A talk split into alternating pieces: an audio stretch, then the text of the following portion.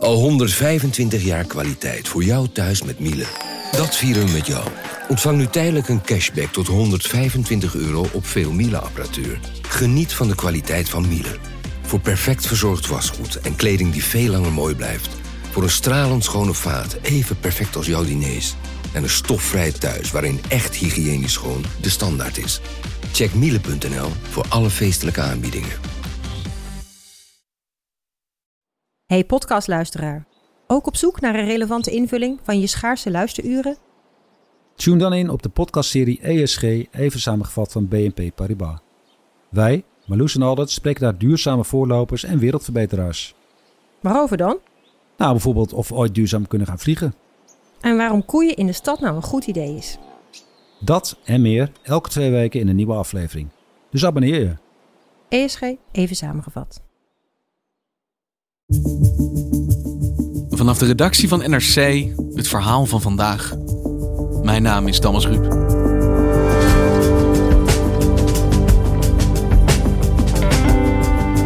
Het is ruim een maand geleden dat de eerste Nederlander werd gediagnosticeerd met COVID-19. Dit zou de tijd zijn voor de gevreesde piek, met overspoelde ziekenhuizen en een stortvloed aan patiënten. Toch klinken nu ook voorzichtig positieve geluiden. Misschien valt de toename mee. Maar is dat optimisme terecht? Vandaag probeert Lucas Brouwers, chef van de wetenschapsredactie, de zin te scheiden van de onzin. Waar staan we nu?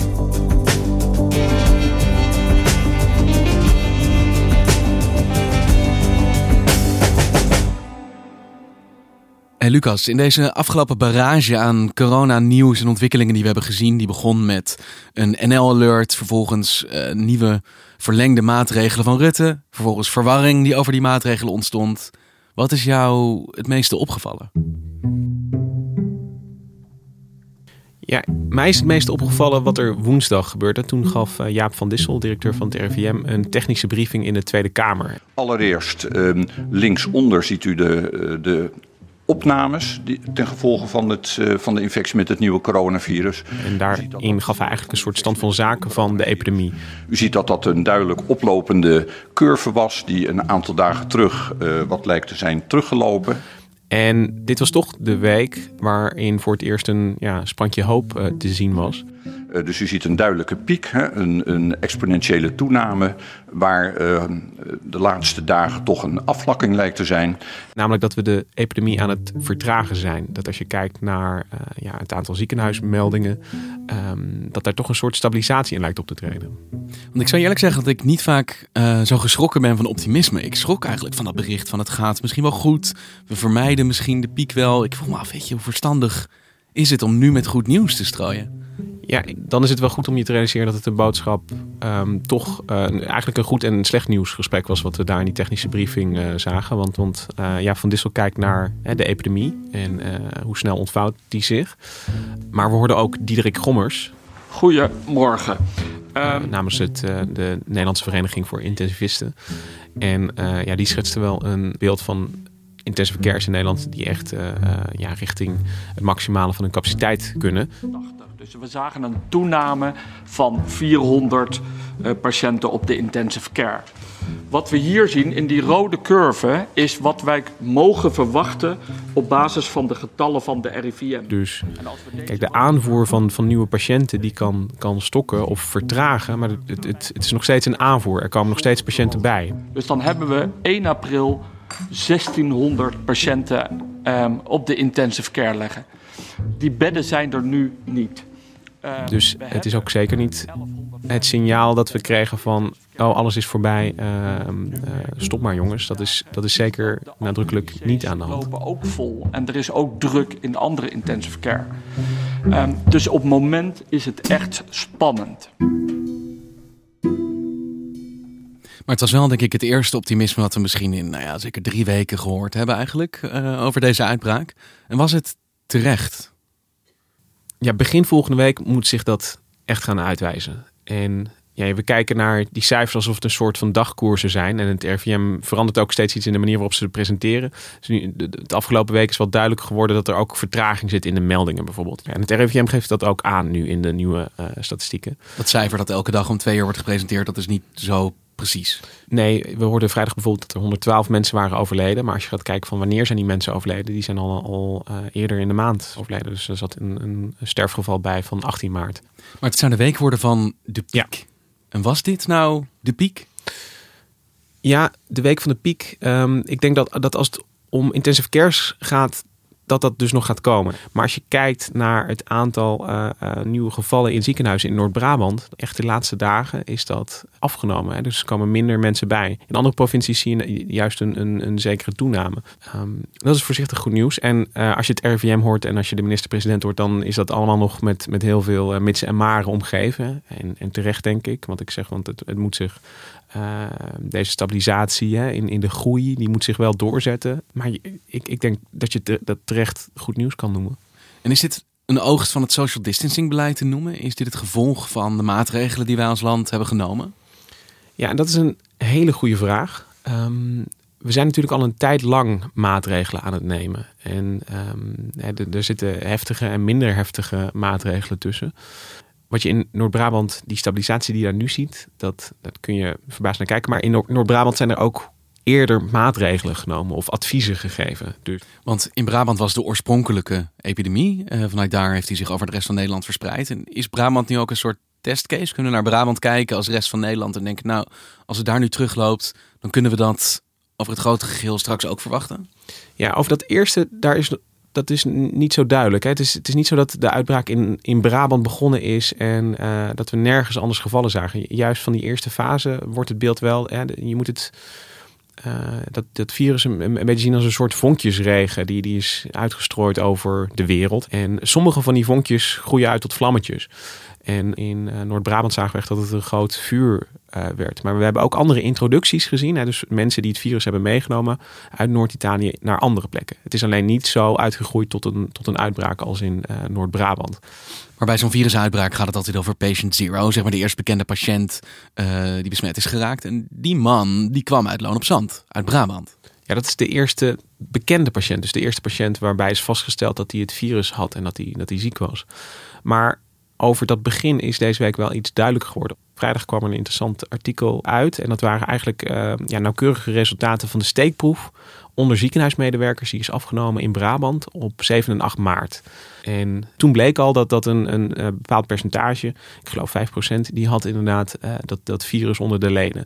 Maar nu zijn ze nog eens teruggegaan naar die medewerkers. En ze hebben gevraagd van wanneer ja, begonnen die klachten nou bij jou? Er kwamen twee interessante dingen uit. Corona was er al voor carnaval. Patiënt 0 was niet patiënt 0. Namelijk dat al voordat de eerste patiënt bekend werd, hadden sommige van die eh, ziekenhuismedewerkers al klachten gekregen. Dus dat is al een, een teken dat het zeg maar al eerder circuleerde in de bevolking. En dat betekent dat carnaval 2020 waarschijnlijk een grote rol heeft gespeeld bij de verspreiding van het virus. En dat raakt aan mijn tweede punt wat ik wil, wilde vertellen, is dat de helft van die mensen die, die uh, hebben geen koorts gehad. Dus dat betekent dat uh, het virus zich onder uh, ja, zeg maar de gezonde bevolking ja, zich kan verspreiden zonder dat het heel erg opvalt. Een sluipmoordenaar, zo zou je corona kunnen noemen. Dan betekent dit dat het aandeel van de mensen dat geen klachten ervaart, dat eigenlijk met het virus rondloopt zonder het te merken, misschien groter is dan we aanvankelijk dachten? Ja, we, we, leren nu echt uh, dat dit virus inderdaad ja, soms mensen helemaal niet zo ziek maakt. Dus er zijn een heleboel mensen geweest die, uh, die geen koorts hebben gehad, wel hebben rondgelopen tijdens carnaval. En dus wellicht ook andere mensen besmet hebben met het virus. En als het gaat om het virus, is dat een, een heel vervelende combinatie. Dat het zeg maar onder de algemene bevolking zich zo makkelijk verspreidt. En dat het voor een bepaald gedeelte zo gevaarlijk is. En dat mensen er zo ziek van worden dat, dat die intensive cares overbelast raken. Het zijn twee gezichten Um, en, en ja, dat vind ik wel, wel akelig. En uh, als je dus terugkijkt op het begin van de epidemie, ja, dan, dan zie ik niet zo goed hoe je dat had uh, moeten detecteren of ondervangen. Het klinkt voor mij wel als een pleidooi om te gaan testen. Want om dit te kunnen bestrijden, moet je toch weten wie besmet zijn. En hoe groot het aandeel is dat misschien wel gewoon doorgaat met zijn dagelijks leven, maar eigenlijk wel anderen aansteekt ja, die testdiscussie die is ook uh, deze week weer flink doorgegaan. Dus, dus die heb ik ook met, met veel interesse gevolgd. En, en we er waren pleidooien voor, voor breed testen. Er waren reacties van het RVM van, van dat is toch niet, uh, niet zo makkelijk als het lijkt.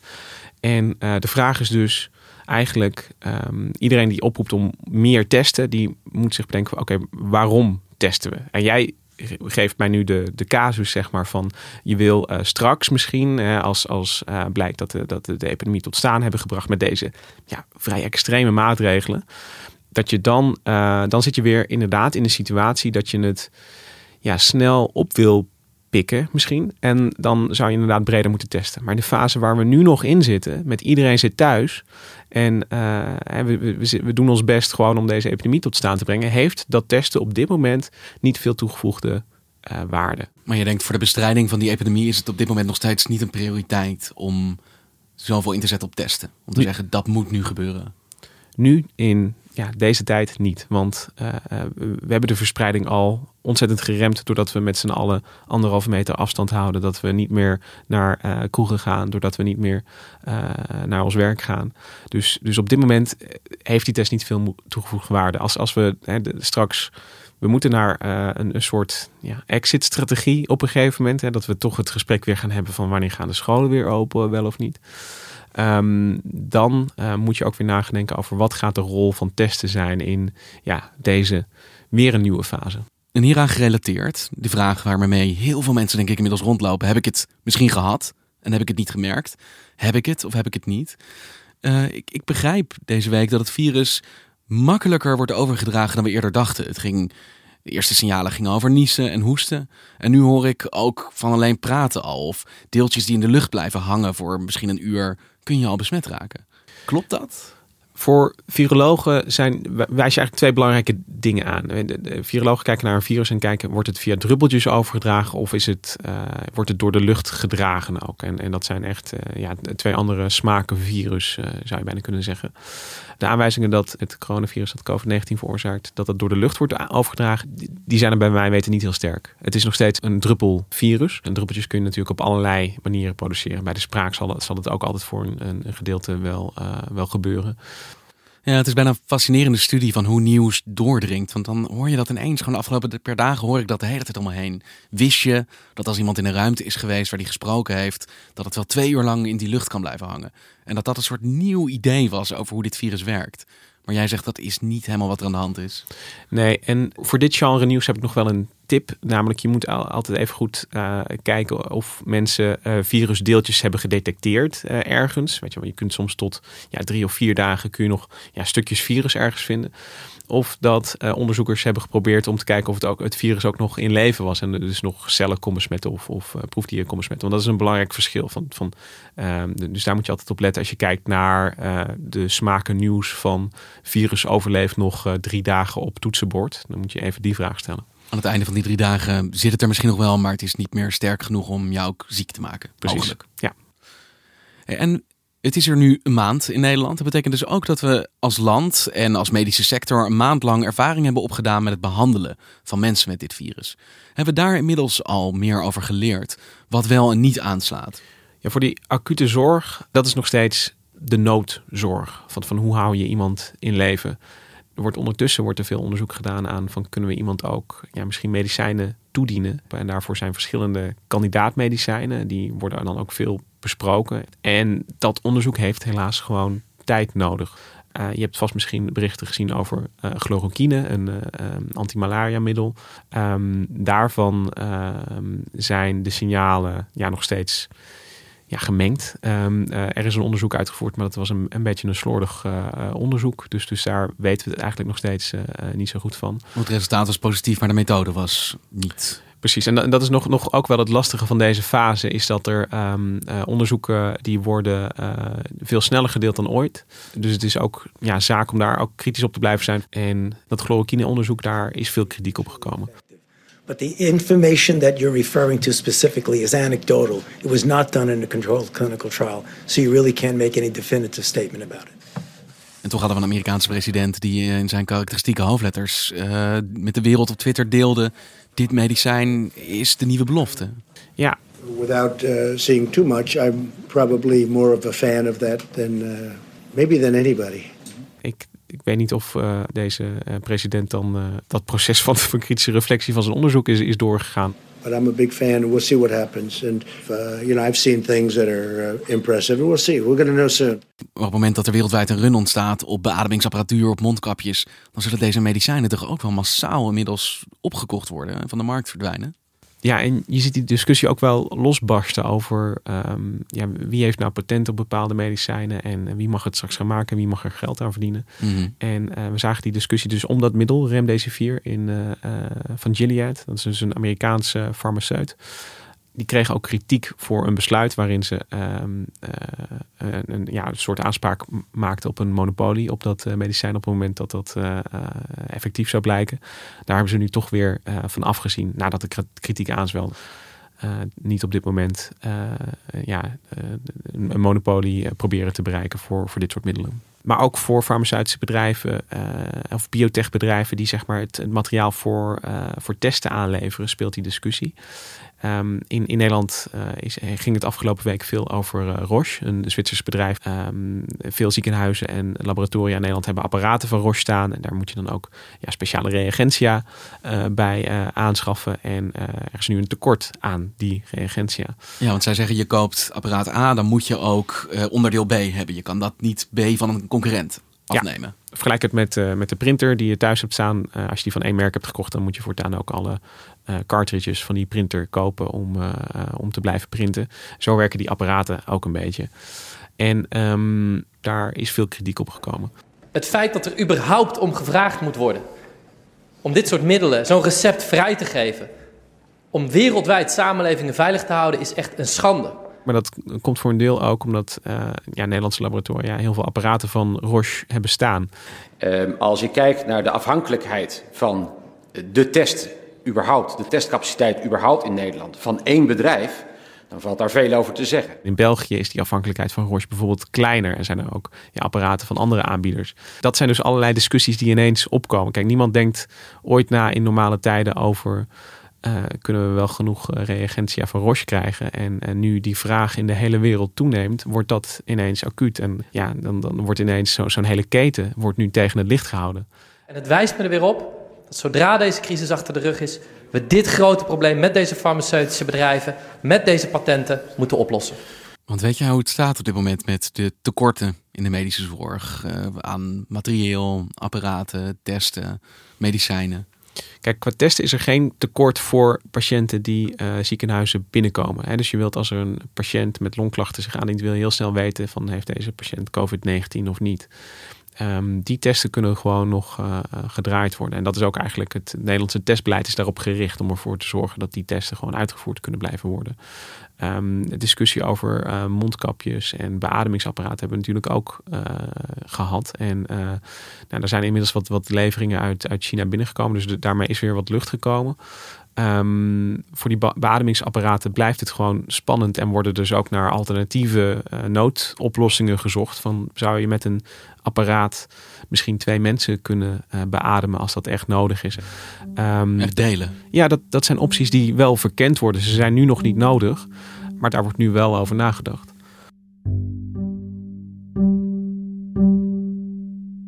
Het hangt er dus helemaal vanaf wat ons nu nog te wachten staat. Hoe deze epidemie zich verder gaat ontwikkelen. Ja, de, en, dan, en dan zijn we weer terug waar we het eerder over hadden. Dus hoe groot wordt de belasting van de intensive cares in de komende weken? Want die gaat dus nog toenemen. En uh, dat, dat is toch de spannende vraag op dit moment. Wanneer komt die piek en hoe hoog wordt die? Ja, in mijn hoofd heeft die vraag zich um, vervormd tot is het voorzichtige optimisme wat we deze week zagen terecht gebleken? Of hebben we te vroeg opgelucht adem gehaald? Ik denk dat we ook nog niet echt opgelucht adem hebben gehaald. En in dat opzicht wordt uh, de persconferentie van Mark Rutte morgen wel interessant. Want we gaan in ieder geval iets horen over 6 april als datum. Want bepaalde maatregelen die zijn genomen, die golden in eerste instantie tot 6 april. Denk bijvoorbeeld aan het sluiten van de horeca. En ja, we moeten toch ook blijven nadenken over de, de schade die dit, eh, het stilleggen van, van alles ongeveer, uh, de samenleving oplevert. Dus ja, dat, dat is niet alleen voor komende dinsdag, maar voor de komende tijd gaat dat natuurlijk de spannende vraag worden. Van um, in, in hoeverre kunnen we hè, de, de, de, samenleving weer een beetje meer laten draaien zoals we gewend zijn. En wat gaat dat doen met de verspreiding van het virus? Um, en dat zijn hele moeilijke vragen. En, en daarom, ik bedoel, dit is niet zo dat een stabilisatie van de epidemie nu betekent dat het weer wordt zoals het was. Want die, die lastige vragen die blijven gewoon de komende tijd uh, ja, voor ons liggen.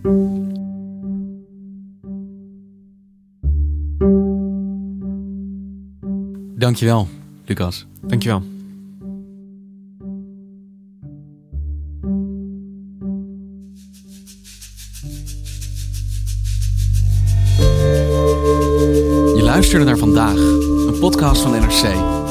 Eén verhaal, elke dag. We leven in hectische tijden. Je kunt rekenen op NRC voor betrouwbare informatie, nieuws, duiding en analyse. En we kunnen dat alleen blijven doen dankzij onze abonnees. Dankzij jullie. Heb je nog geen abonnement? Kijk dan voor een aanbieding op nrc.nl slash podcastabonnement. Dankjewel. Dit is vandaag, morgen weer.